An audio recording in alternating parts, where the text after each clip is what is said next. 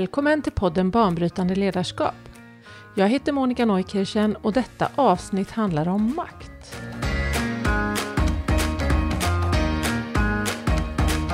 Poddserien produceras av Hillesgårdsakademin och idag har jag med mig Mariam Yastanfar som idag driver företaget Santura men som tidigare haft maktpositioner både som chef och som riksdagsledamot. Och Karl-Erik Edris som är filosof och som har tänkt mycket kring varför vårt samhälle och därmed också makten ser ut som den gör.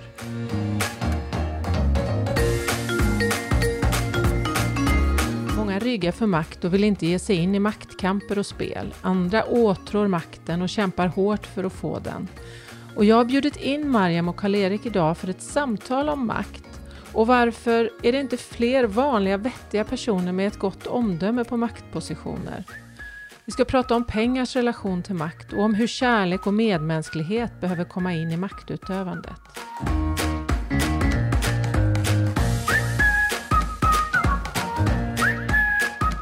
Kan inte börja med dig Mariam?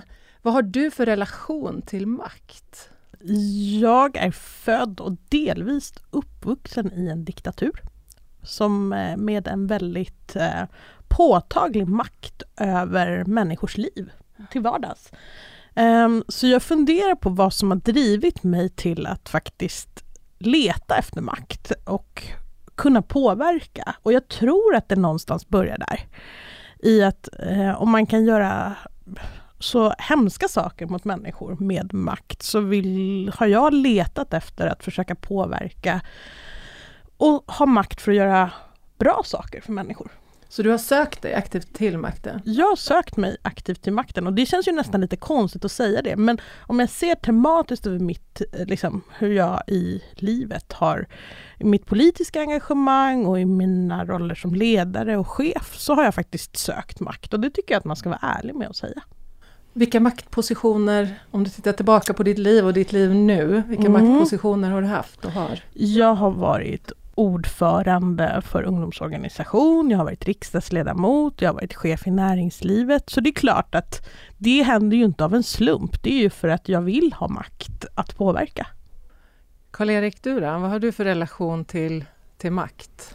Ja, det blir komplicerat. Jag har eh, ju mest tänkt på eh, varför saker och ting är som de är. Alltså att makt som gör att man fattar beslut och varför samhället ser ut som det gör. Och personligen så kände jag mig väl ganska tidigt, eh, vad ska man säga, olyckligt eh, förälskad i politik. Men kunde aldrig hitta något sätt in i det för jag kände att jag kunde inte köpa hela program, hela paket och säga ja men det här partiet, jag tycker som det här partiet men jag hade allvarliga funderingar på att gå in i politik ändå för att försöka att lära mig det inifrån men jag fick nöja mig med att läsa statskunskap istället. Så läsa om politik. Och sen har jag väl på ett personligt plan, ofta har det blivit så att om jag engagerat mig i ideella saker, det gjorde jag tidigt, så jag har varit med i idrottsrörelsen och det har ofta varit så att om jag kommit på olika typer av möten och eh, inte från början hade bestämt mig för att inte bli invald så blev jag plötsligt sittandes i styrelser och sådär. Så att på ett personligt plan har jag väl inte varit rädd för att eh, ta maktpositioner i sammanhang där jag tycker att jag sympatiserar med verksamheten. Mariam, du har, eh, du, du har sagt eh, tidigare till mig att ett stort problem i samhället det är att människor som vill göra bra saker saknar maktambitioner. Mm. Hur tänker du då? Men det är det här att det anses lite fult att ha makt. Eh, och jag tänker så här att det är inte fult med makt utan det som är viktigt är vad man vill göra med den makten, vad, vad man har för ambitioner med att ha makt. Eh, jag tycker väl att det är lite för få personer som har makt, som har ett uttalat eh, ett uttalat mål med vad de ska göra med den makten. Um, och speciellt i, i organisationsvärlden, i företag och så. Uh, man, man försöker ofta förklä det i att ja, men jag, har, jag vill ha ett, och ta ett stort ansvar. Fast jag tror att till syvende och sist så har man en vision som man strävar emot och jag tycker att man ska vara tydlig med den och eh, de som har ljusa visioner kring vad de vill eh, åstadkomma ska också sträva efter att ha makt som verktyg att åstadkomma de eh, ljusa visionerna. Men kan vi inte stanna där vid ljusa visioner? Har inte alla det liksom? Alltså har, har inte alla som har makt ändå en bild av sig själva att man har en ljus vision? Jo, det, så är det ju. Eh, och ytterst så handlar det ju om för de som ska bli utsatta för den här makten att avgöra vad, om det är den ljusa visionen som de vill till också.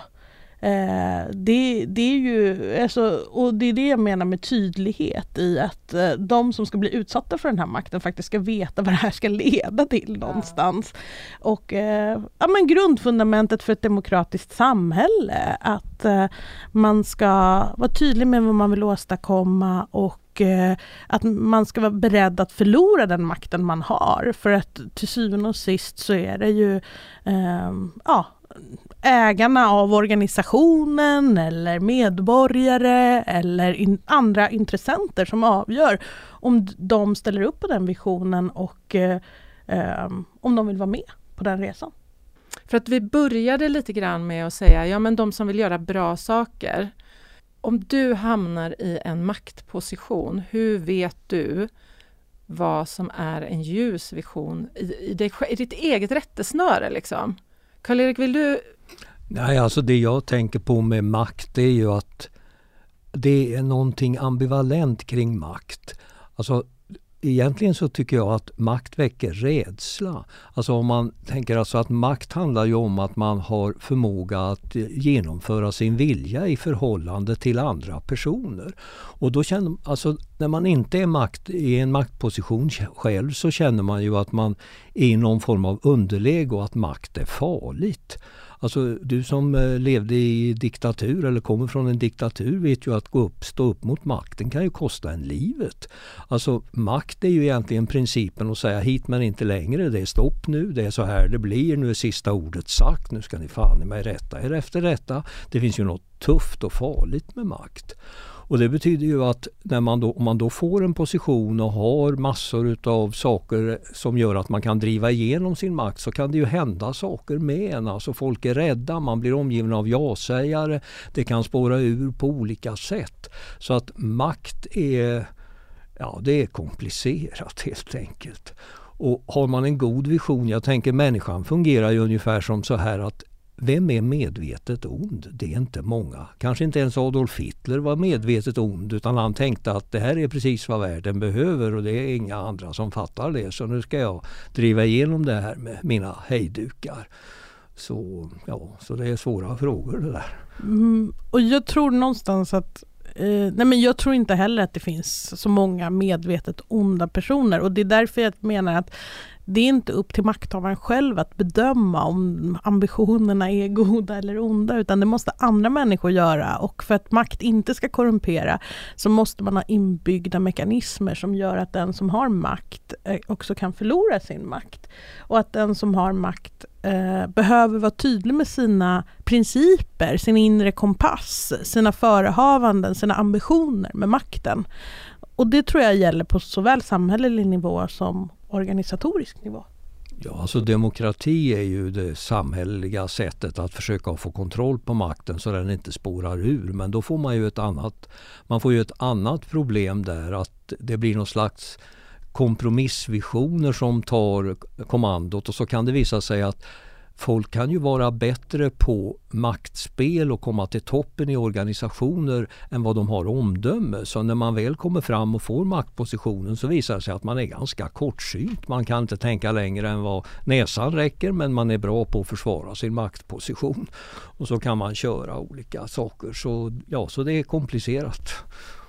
Men om, man, om, om det är, för att det kan vi nog alla känna igen det du säger nu Karl-Erik, om man tänker på organisationsnivå, de ställen vi har jobbat på, att det pågår maktkamper och det pågår spel och så här. Hur förhåller man sig till det? För det som händer eh, är ju ofta att de Ja men många människor ryggar för det där spelet och att man inte vill in i det. Ja, men ofta är det ju riggat så, alltså hur uppkommer det här med ja-sägare? Ja det betyder ju att man som makthavare eller makt, innehavare av en position så har man ju makt att bestraffa personer på olika sätt som inte gör det man själv vill. Så det ligger ett hot i luften så fort det är maktutövning. Och man vill hellre höra ett ja än ett nej och så kan man, ja så börjar så belönar man ja-sägare och så ja, så utvecklas det ju på olika sätt. Så kan det ju, man vet ju hur det blir när det blir skandaler av olika slag när man har fattat idiotiska och kortsiktiga beslut och det har blivit avslöjat. Så är det ju, som, då är det ju ingen som vill kännas vid det utan jag brukar ju säga att alla beter sig som om de var på toaletten när det avgörande beslutet fattades att ingen tar ansvar. Så att eh, ja, återigen, det blir lite tjatigt att säga det där men makt är komplicerat. Att, eh, och om man då står för en god eller det man tror är en god och vettig vision så kan man ju eh, och jag tror att det är därför många personer som är idealistiska och ser att tänk vad fint det skulle vara om vi var kärleksfulla och goda i den kristid som finns nu till exempel. Hur ska man som en vettig människa ge sig in i maktkampen för att ta sig till positioner där man tror att man ska göra bra saker?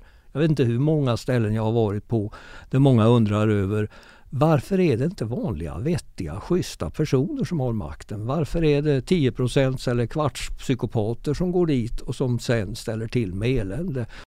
Men det är därför som jag tror att tillräckligt många behöver ha maktambitioner. Därför att Eh, om bara de som vill ha makten för maktens skull har ambitioner att ta den, då blir det ju precis som du säger.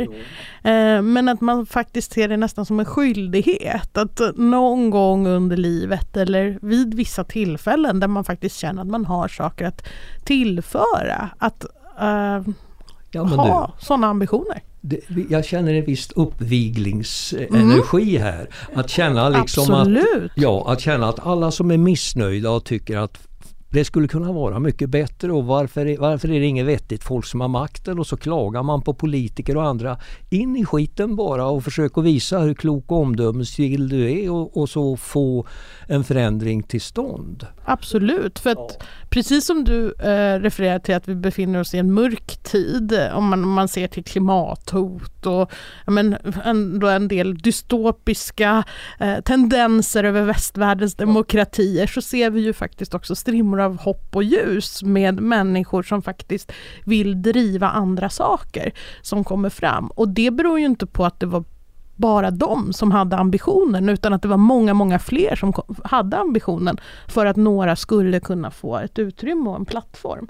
Så jag tycker att där har vi som människor, inte för att vi besitter någon slags legitimitet i någonting annat än att vi är människor och har ett ansvar för oss och eh, har en medmänsklighet. Där har alla ett ansvar.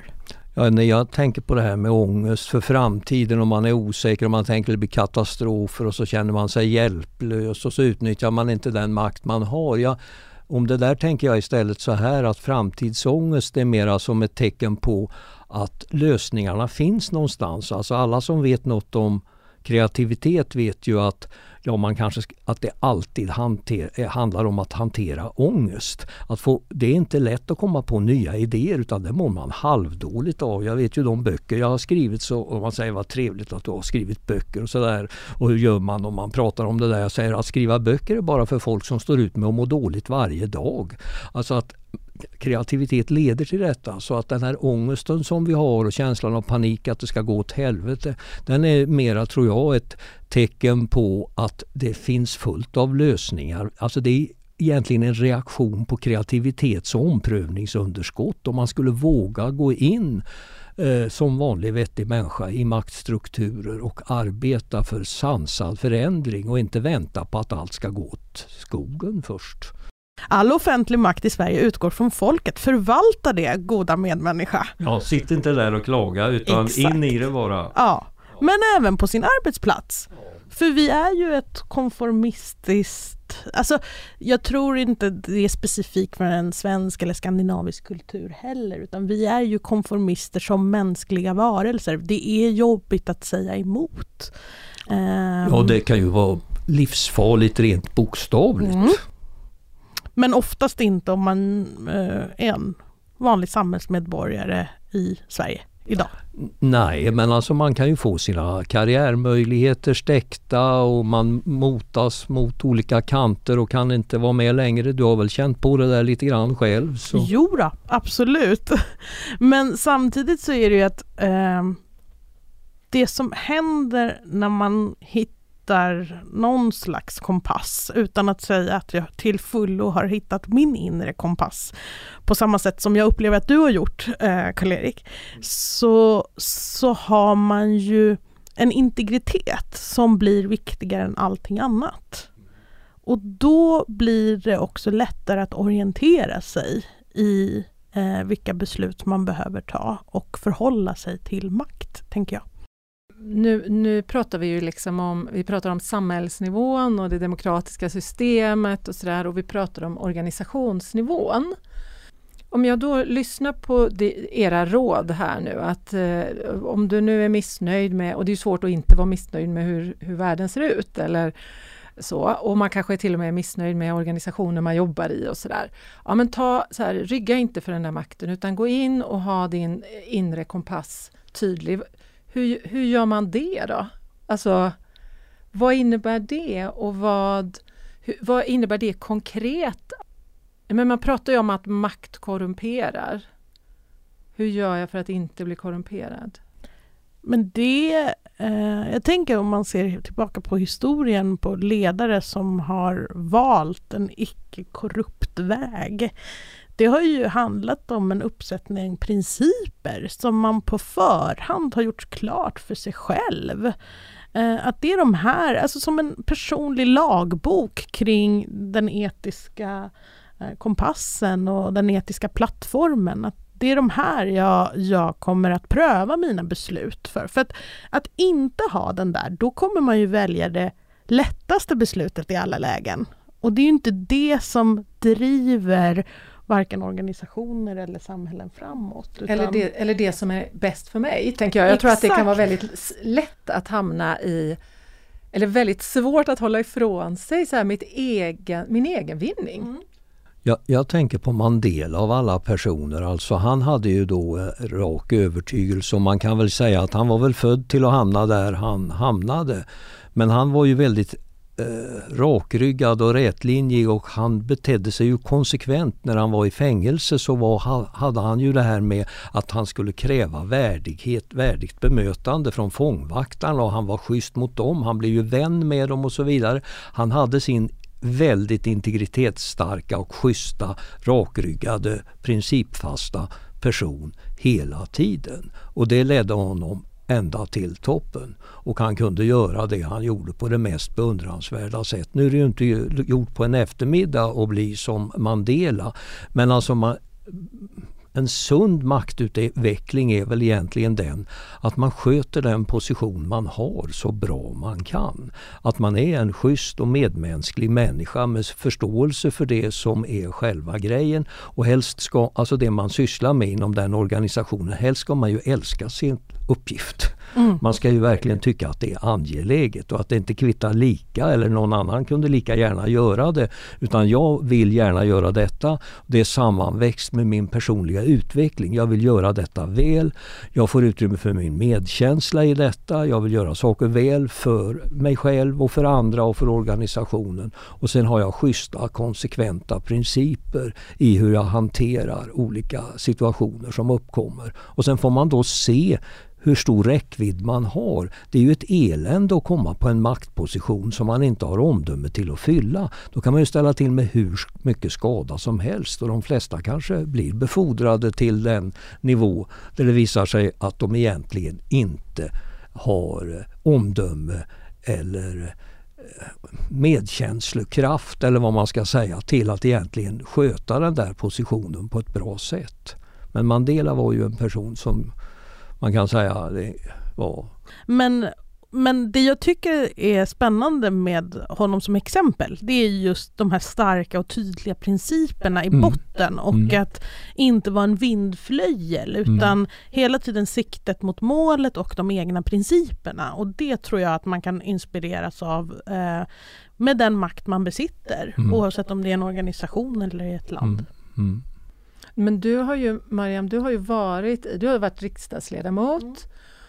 Då besitter man ju en rejäl, liksom, en rejäl och en reell eh, samhällsmakt. Vad är, vad är utmaningarna i, ett sånt, eh, i en sån situation, liksom, i en sån position?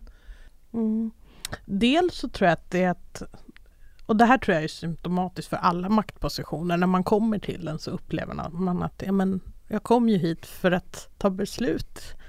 Och eh, vänta, jag hade inte den beslutskraften som jag trodde. Du, är, är, ehm. du som så eller i att positionen i systemet? Positionen i systemet. Eh, alltså det, så här, i vår eh, grundlag så står det att all offentlig makt utgår från folket. Riksdagen är dess främsta företrädare. Det är en oerhört ansvar och en oerhörd makt man sitter på som riksdagsledamot. Samtidigt så är man en del av ett lagstiftningsmaskineri. Det är ju det man gör, man stiftar lagar.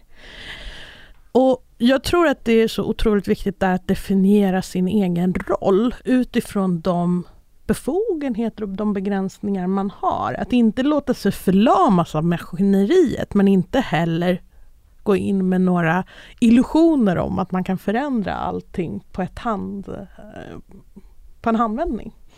Och har man realistiska eh, ambitioner där och realistiska förhoppningar om det och en tydlig riktning man vill driva eh, olika frågor så är det en fantastisk plattform och en viktig plattform och en plattform som jag tror att många, många fler behöver söka.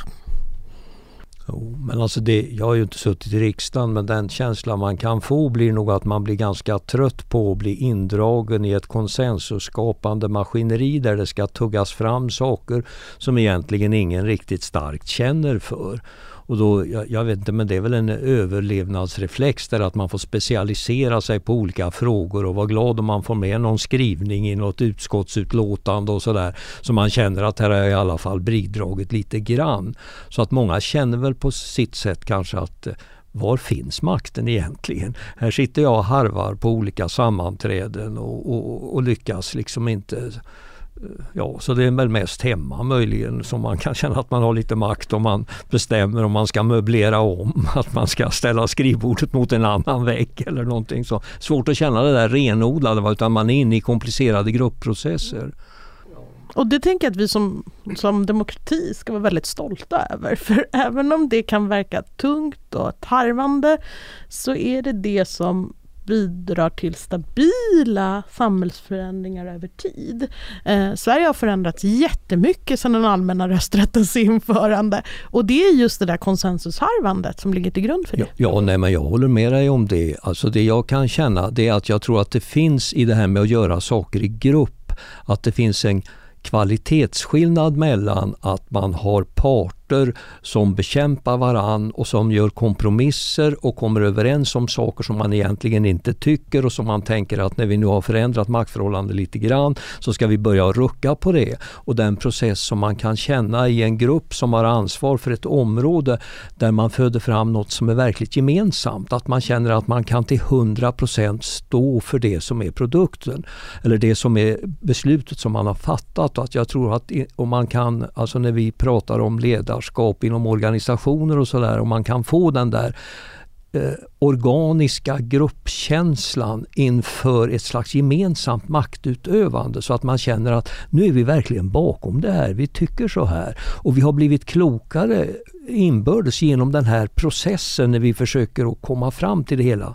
För att jag känner att det som gör politik jobbigt för de utomstående det är liksom den ogenerösa eh, kämpandet och pekandet på sina egna fördelar och ständiga lusten att sabotera vad som har blivit och säga om jag vore diktator då skulle det vara så här. Och, och, ja, så att det är någonting man skulle, eller jag skulle i alla fall önska att de demokratiska processerna vore mera lik vanliga vettiga gruppprocesser där man kommer fram till saker. Va? Som, där konflikterna inte kändes som eh, att de löstes genom någon väldigt instabil kompromiss som kan flamma upp när som helst utan att man kom fram till något gemensamt som man stod för och sen behövde man inte ändra sig. Ja, och nu är ju konfliktnivån i politiken väldigt hög, det får Ja. man ju säga. Men samtidigt så finns det ju en inneboende motsättning i en demokrati också som jag tänker att man behöver förhålla sig till. Till skillnad från en organisation där du har tydliga mål kring vad, du, vad man tillsammans ska åstadkomma så har man ju politiken också faktiskt ett ansvar på att visa skiljelinjer för att ge människor reella val att förhålla sig till. Så där är det ju lite olika Ja. eh, i hur en process i sin ytterlighet kan se ut. Och det är möjligt att det, eller ja det är ju som det är nu och, och det beror väl kanske på att spelreglerna för politiken Alltså att politiken har så få frihetsgrader för den är instängd eller insydd i en väldigt stark ekonomisk tvångströja. Eh, Så det handlar väl, förmodligen är det väl så att konflikterna måste stiga tills vi kan slå sönder vårt ekonomiska tänkande och tänka på ett annat sätt så att vi får en ekonomi som är mera solidarisk för människorna och mera skonsam för miljön. Så vad, vad har pengar liksom för relation till makt? I vårt, eh, i vårt moderna samhälle en enorm eh, påverkan, självklart. Och, jag menar, och i ett globaliserat finansiellt system så är ju en del av misstron mot de demokratiska instrumenten handlar ju om att de idag inte rår på eh, ett finansiellt system med oerhört och oinskränkt makt. Ja, alltså alla kan ju fundera på frågan, står jag för någonting som inte är till salu i själva verket? Hur mycket pengar skulle jag behöva ta, få för att hålla käften? Alltså pengar har en enorm makt. Tigger jag för en miljon eller behöver jag tio miljoner för att hålla käften? Så om vi tar oss tillbaka till individnivån. Om vi ska skicka med någonting, om det sitter någon eh, eh och lyssnar på det här som tänker ja, jag, ska, jag kanske ska ta det under övervägande det där Karl-Erik och Mariam säger om att jag ska att jag ska ge mig in i och ta en maktposition. Vad, vad vill vi skicka, skicka med? Jag tror så här att det är väldigt viktigt att känna i sitt hjärta för det man ska, på det område där man vill ha makt. Alltså att man Alltså det får inte utgå från en själv utan det, får, det har med, mycket med medkänsla och kärlek att göra. Att man har en kärlek till saken, att man har förstått en fråga eller det är någonting som man verkligen känner sig djupt personligt berörd av. Och att det är den vägen det får gå, inte en spekulation om att man ska få en maktposition eller göra karriär eller någonting sånt utan drivet av ens hjärta. Alltså världen är ju inte välskött så kan man väl säga. Det är mycket som fungerar skralt och det finns fullt av idéer där man tänker att ja men det här skulle bli bättre. Då får man hålla liv i den här känslan av omsorg om andra människor eller sin miljö eller sitt samhälle eller vad det nu man är engagerad i. Och sen försöka och sen ge sig in i och kämpa med de andra om att få inflytande. Och att se upp med sig själv så att man inte plötsligt blir cyniker. För det är klart att när man då blir lite mera illa tilltygad och motarbetad av någon som man kanske tycker inte har något vidare omdöme. Så kan det ju bli lätt att så kommer cynismen smygandes och så blir ens hjärta svart och så tänker man de idioterna kan gå och ta det. Och så går man hem och sätter sig vid köksbordet och dricker ett en kopp gott kaffe och skiter i allt sammans. Så, så det är på något sätt hjärtvärmen måste vara kvar tror jag hela tiden. Mm. Jag håller helt med. Hjärtvärmen, en tydlig idé vad man ska åstadkomma med makten. Och vara rädd att förlora den eh, varje dag i stort sett. Då tror jag att man tar kloka beslut. Tack så mycket Mariam och Karl-Erik. Tack.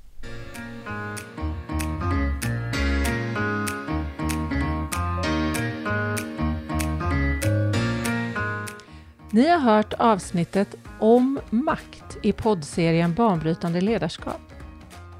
Jag heter Monica Neukirchen och med mig idag hade jag Mariam Yastanfar och Karl-Erik Edris.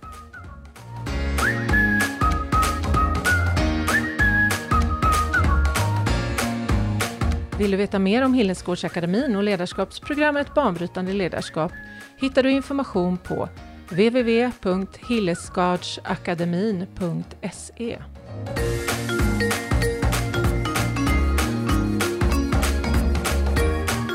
Podden är producerad av Hillesgårdsakademin Och detta avsnitt är inspelat hos Länsförsäkringar Mäklarservice i Stockholm.